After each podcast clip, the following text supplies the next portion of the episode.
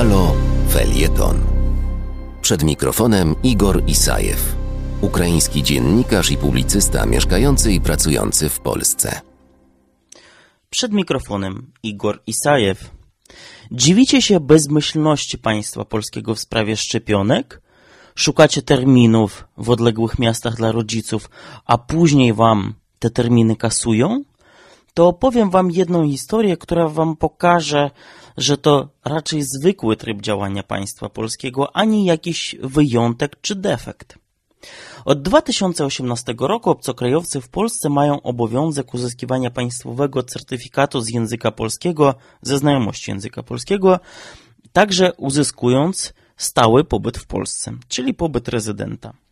Tyle, że państwo polskie nie wyrabiało się z obsługą interesantów jeszcze do pandemii, ale kiedy rozpoczął się COVID, nastąpiła prawdziwa katastrofa. Imigranci muszą wydawać niemałe koszty, zarabiają pośrednicy i cały korupcyjny system państwowy, ale emigrant nadal pozostaje bez dokumentów pobytowych.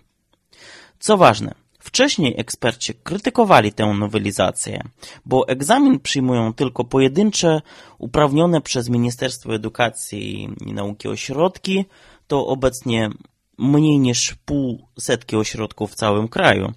Cudzoziemcy, szczególnie pracujący w zawodach nie wymagających wysokich kwalifikacji, mają bardzo ograniczoną możliwość nauki języka polskiego. Poza tym uzyskanie statusu rezydenta nie wiąże się z nabyciem żadnych praw politycznych.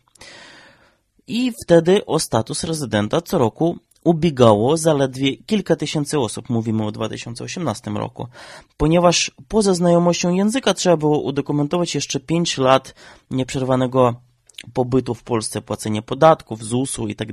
Tak to były pojedyncze przypadki. Natomiast po ogromnej fali imigracji z Ukrainy w 2015 roku, to właśnie teraz kilka procent z miliona, czyli już dużo, obecnie aplikuje o status rezydenta. I doszedł problem z tymi ludźmi.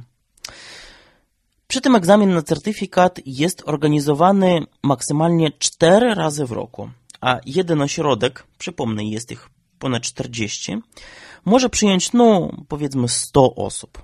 Od marca ubiegłego roku sytuacja no, stała się po prostu prawdziwą katastrofą. Sesja czerwcowa w 2020 była w całości odwołana.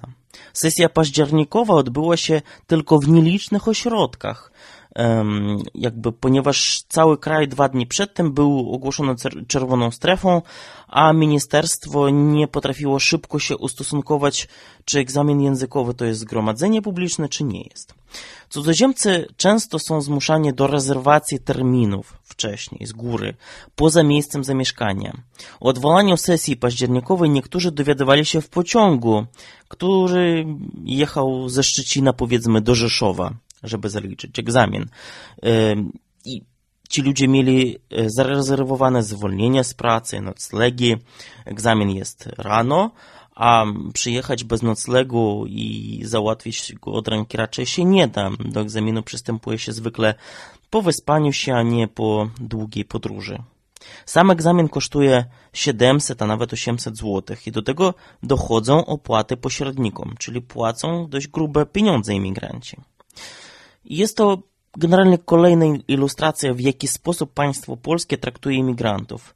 Macie pracować, płacić podatki, może inwestować tu kapitał, ale my, jako państwo polskie, jako urzędnicy, nie jesteśmy wam nic winni. Nawet jeśli my, jako państwo polskie, sami od was czegoś wymagamy i później nie potrafimy się z tego wywiązać sami z własnych mm, przyczyn, nie potrafimy się sami wywiązać własnych wymogów, e, to winą i kosztą, kosztem obciążymy samych imigrantów. Pomyślnością w nadchodzącym tygodniu. Do wysłuchania kolejnego felietonu Igora Isajewa zapraszamy w następny poniedziałek o godzinie 14.50.